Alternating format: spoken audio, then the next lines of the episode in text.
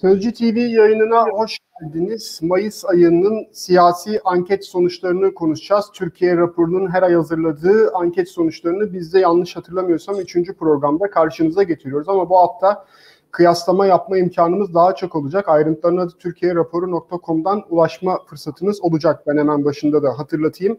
Önceki aylarla yaklaşık bir buçuk, yıl, bir buçuk yıllık dönemle bir kıyaslama yapacağız. Liderlerin performansını, partilerin performansını ve e, çok konuşuluyor, çok tartışılıyor. Muhalefet artık daha yüksek sesle dile getirdi. Olası bir erken seçimde bu pazar bir seçim olsa hangi sonuçlarla karşılaşırız? Bunların hepsini konuşma fırsatı bulacağız. Konuğumuz var. Konuğumuz sizin de yakından tanıdığınız bir isim. Türkiye Raporu Direktörü Can Selçuki. Can tekrar teşekkür ediyorum yayınımıza katıldığın için. Hoş geldin. Ben teşekkür ederim davetiniz için Alişer. İyi yayınlar. Ben hemen e, hızlıca ekrana anket sonuçlarınızı, son yaptığınız anket sonuçlarını atayım. Senden bir ricam sadece ben unuttum, sen benim için yapıver. Kaç kişiyle hangi metotla ne zaman yapıldı? E, tabii Türkiye çapında 1506 kişiyle 6-9 Mayıs tarihleri arasında e, bilgisayar destekli telefon görüşmesi yöntemiyle e, yapıldı. Finansmanını da eklemek istiyorum. Bu araştırmanın finansmanı Türkiye raporunun bireysel abonelerin aidatları ve İstanbul Ekonomi Araştırma'nın öz kaynaklarıyla yapılmıştır.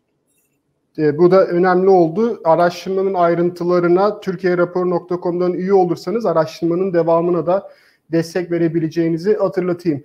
Konuştuğumuz bir şeyde ama üstünden geçmekte fayda var. Bu pazar bir genel seçim olursa hangi partiye oy verirsinizi ekranda görüyoruz. Kararsızlar dağıtılmadan ve kararsızlar dağıtıldığında e, kararsızların nasıl dağıtıldığını da belki altını çizmekte fayda var. Hem onu hem de şu an gördüğümüz sonucun bir kıyaslamasını senden alalım.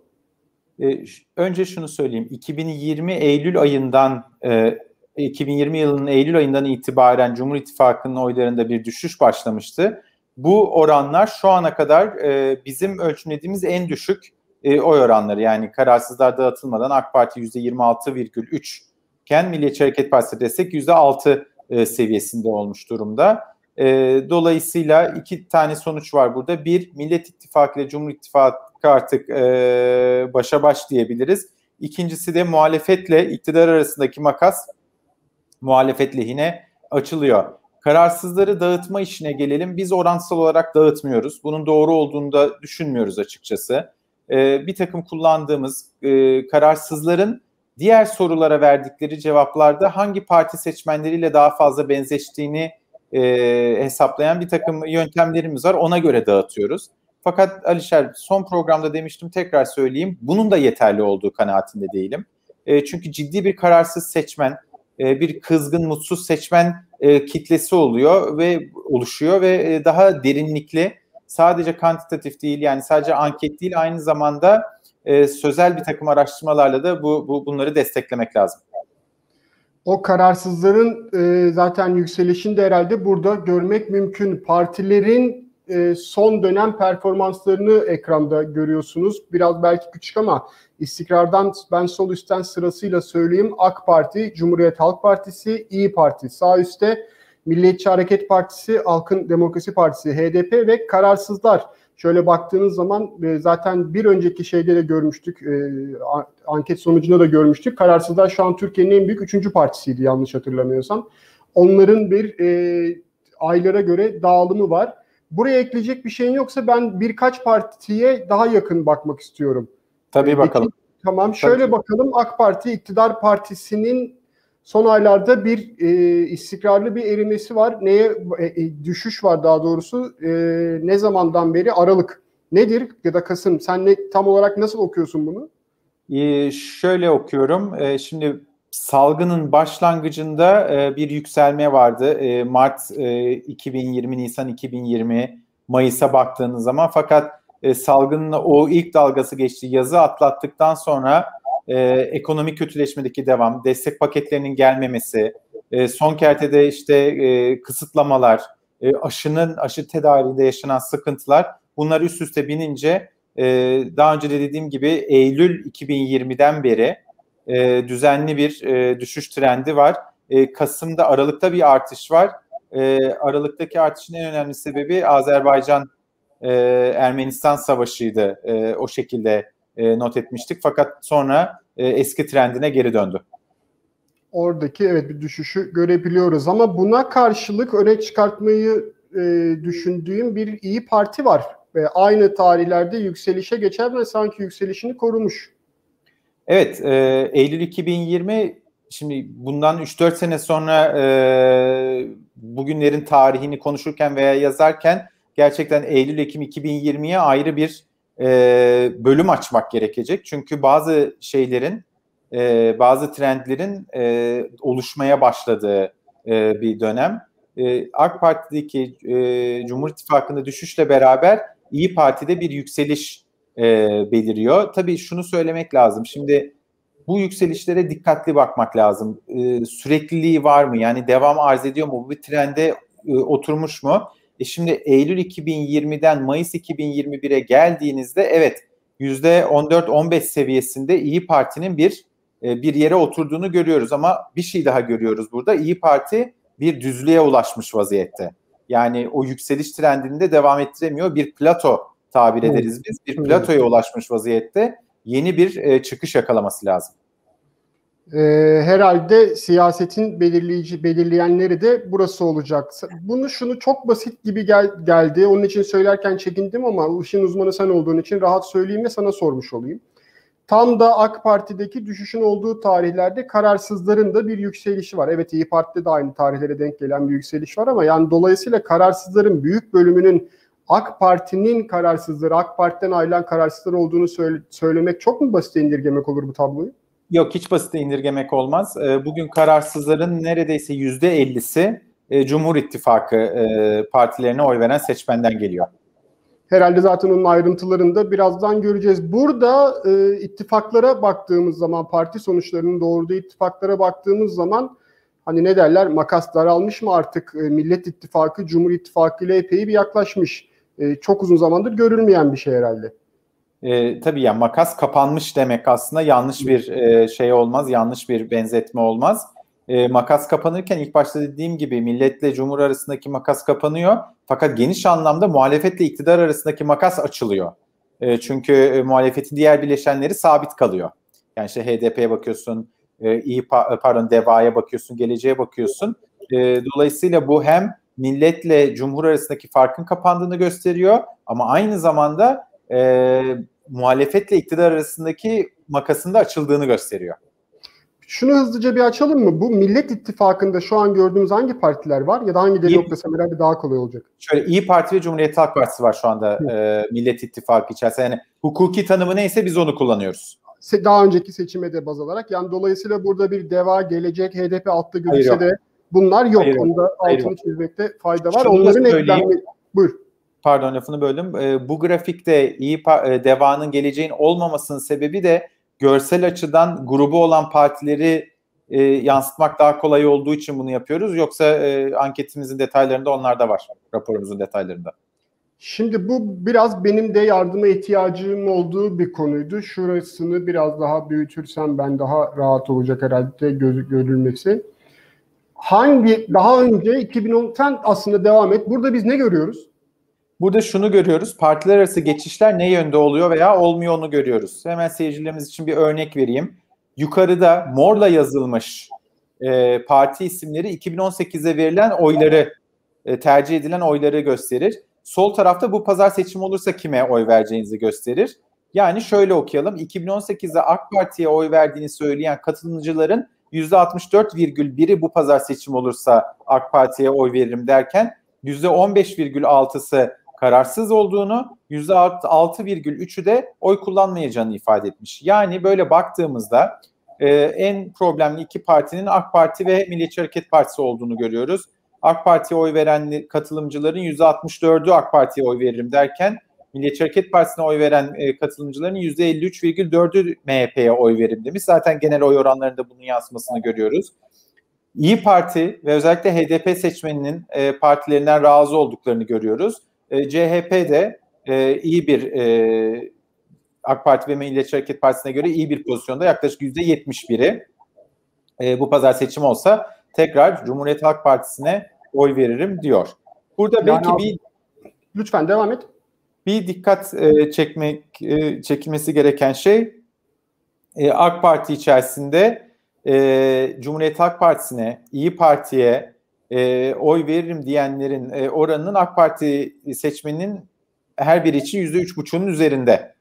E, bu e, önemli. Yani genelde nereden bakarsanız AK Parti'nin hani genel oyunu 45 kabul ederseniz 2018 e, işte nereden baksanız bir bir buçuk e, puan ediyor her iki parti içinde.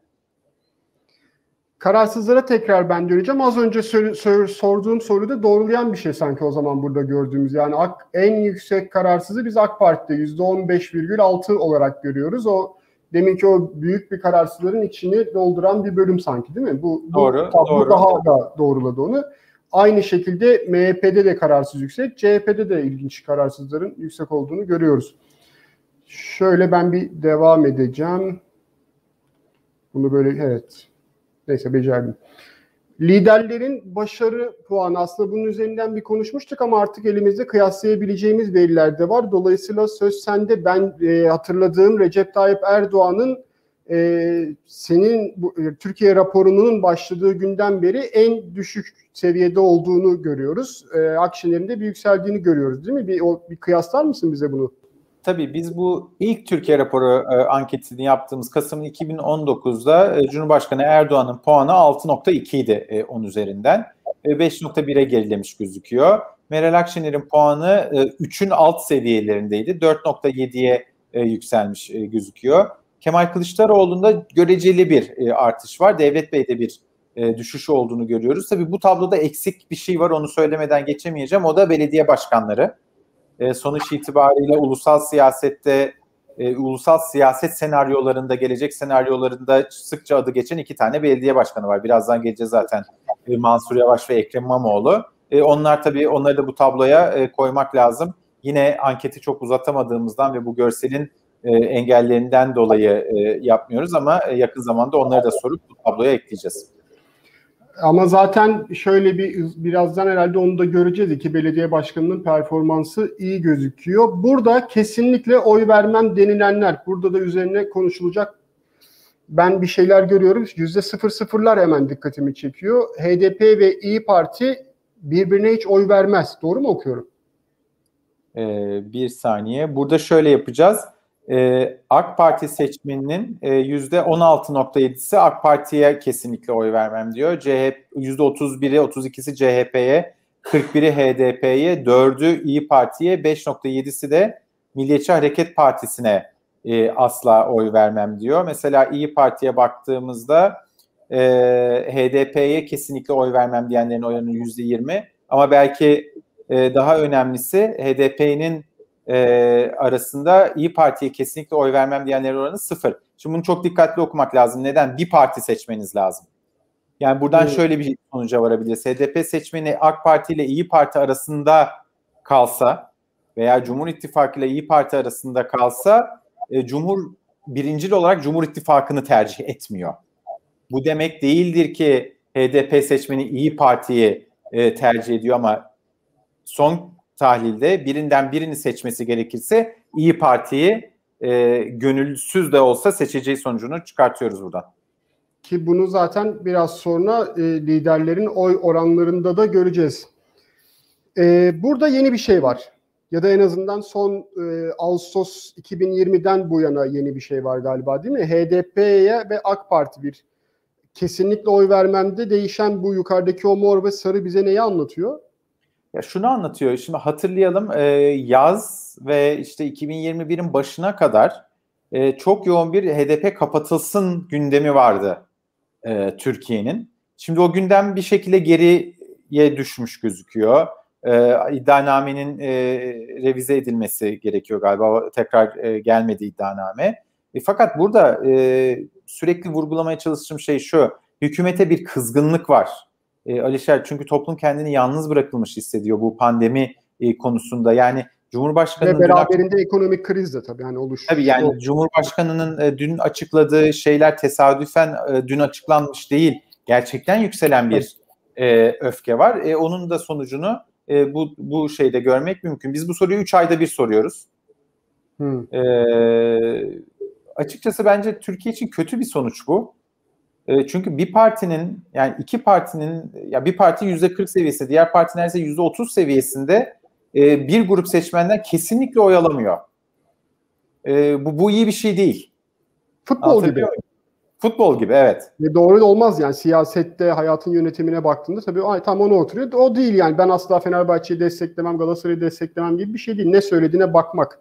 İşin başka bir sosyolojik boyutuna belki taşıdık ama herhalde aynı şeyi düşünüyoruz değil mi? Aynı şeyi ne söylüyor yani, siyaset? Iş, siyaset olunca kötü çünkü biz hep beraber yaşamak zorundayız. Fenerbahçeli futbolcularla Galatasaray futbolcular beraber yaşamak zorunda değil. İsterlerse ayrı yaşayabilirler.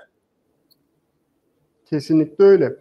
Bunu konuşmuştuk. Şöyle hızlıca ben tekrar üzerinden geçeceğim. Cumhurbaşkanı bugün bu e, seçim olsa, bu hafta sonu Cumhurbaşkanlığı seçimi olsa kime oy verirsiniz de 3 isim e, hala hazırda devam eden Cumhurbaşkanı Recep Tayyip Erdoğan'ın önüne geçiyor. Birinci Mansur Yavaş, ikinci Ekrem İmamoğlu, üçüncü Meral Akşener.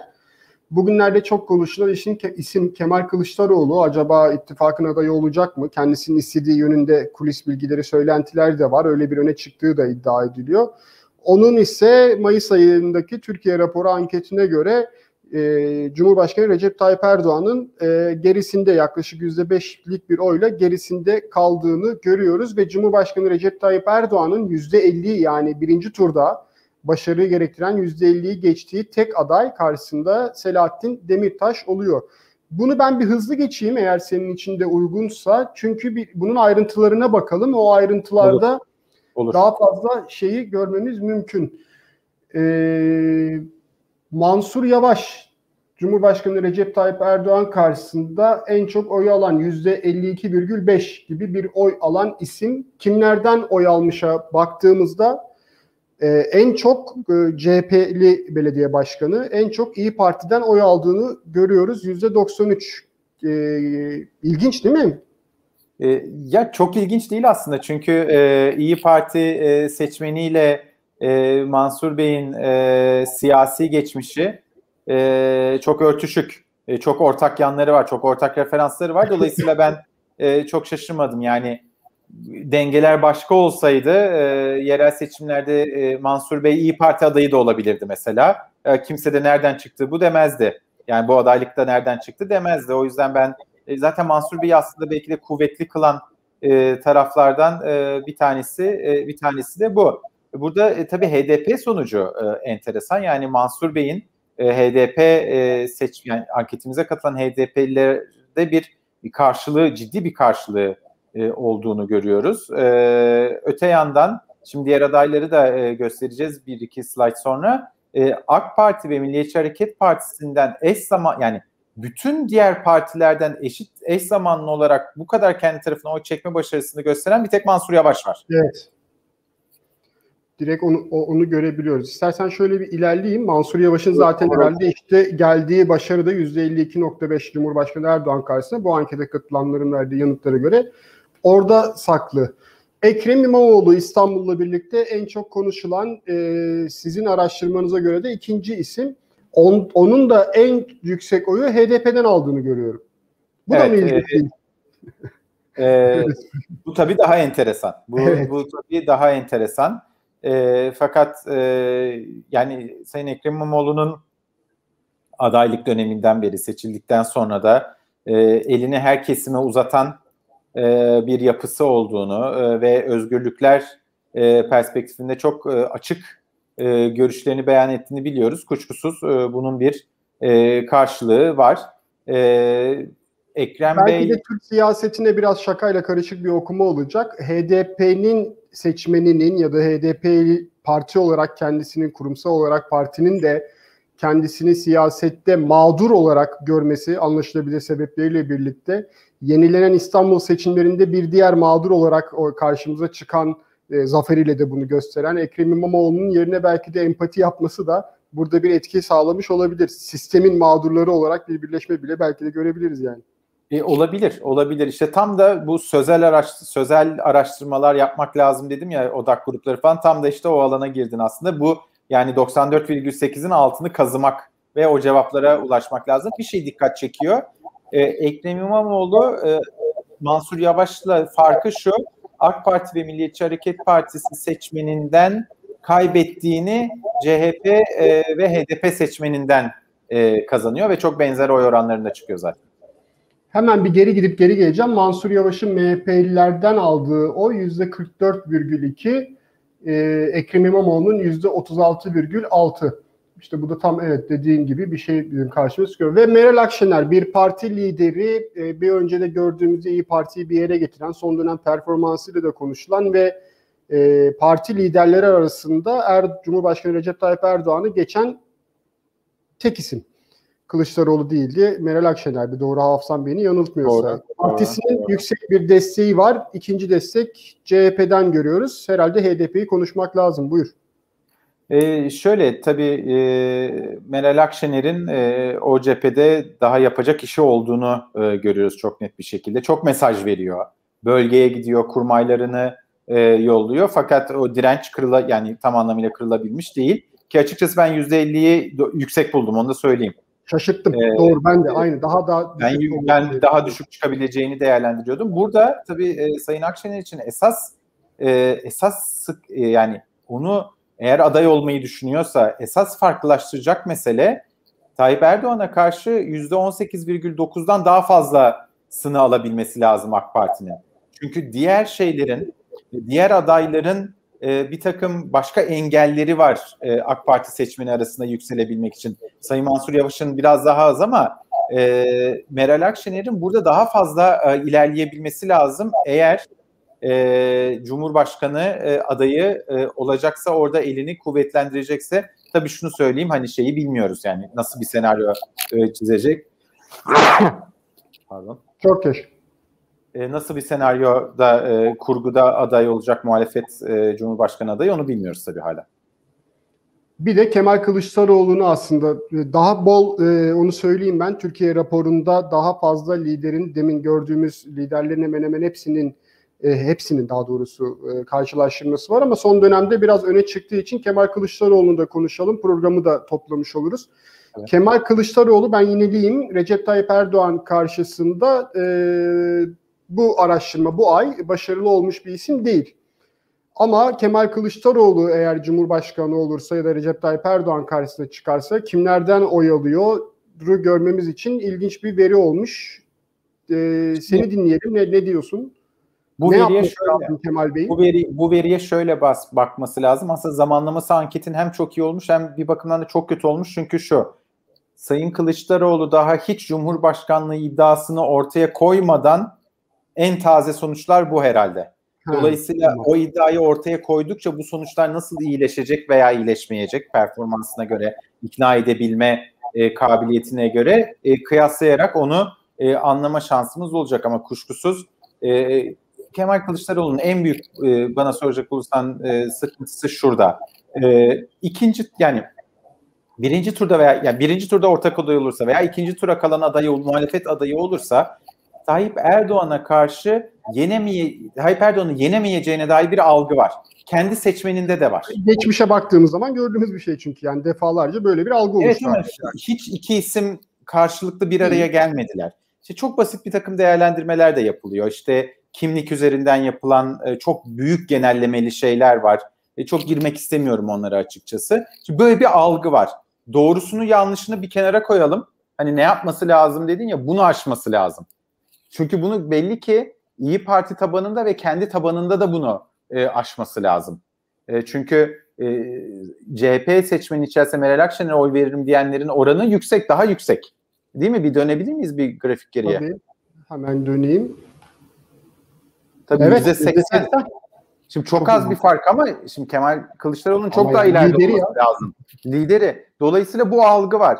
Ee, Sayın Kemal Kılıçdaroğlu'nun bu algıyı kırması lazım e, kıracaktır. Yani eminim ona dair de e, stratejileri vardır. Önümüzdeki dönemde tam da bu grafikle bu grafik bize onu ne kadar kırıp kıramadığını e, karşılaştırma fırsatı verecek arkadaşlar. Ben teşekkür ediyorum Can sana e, yayınımıza katıldığın için gene dolu dolu bir program oldu. E, araştır neden ben şunu bir hep daha önce de açıkladım ama tekrar araştırayım. Neden Türkiye raporunu e, ekrana daha çok taşıyorum. Çünkü düzenli bir araştırma yapıyorlar ve ben metodolojilerine güvendiğim için bunu yapıyorum. Bu, hep Türkiye raporunu daha çok anket olarak konuşuyoruz. Sonuçlarını konuşma imkanımız oluyor ve doğru okumalar yaptığını inandığım için onu yapıyoruz. Yoksa belirtmekte fayda var. Bir, herhangi bir iş ortaklığı ya da adı konulmuş bir şey yok. Ama Türkiye raporu.com'dan sizin de ulaşabileceğiniz veriler e, oldukça basit, anlaşılır ve doğru sorularla uzun bir e, sistematik ve sistemli bir şekilde devam ettiği için buradaydı. Hem bu araştırma için bu vesileyle ben böyle bakıyorum araştırmalarınıza. Teşekkür edeyim Can Selçuk. Ben teşekkür ederim. Hem de yayına katıldığın için teşekkür ediyorum. Keyifle. Ee, sanıyorum ve ay başında yine ya da önümüzdeki ay yine bir e, anket sonucunuz olacak ve herhalde konuşacağız ya da bu ayın orta, ikinci evet. yarısı mı?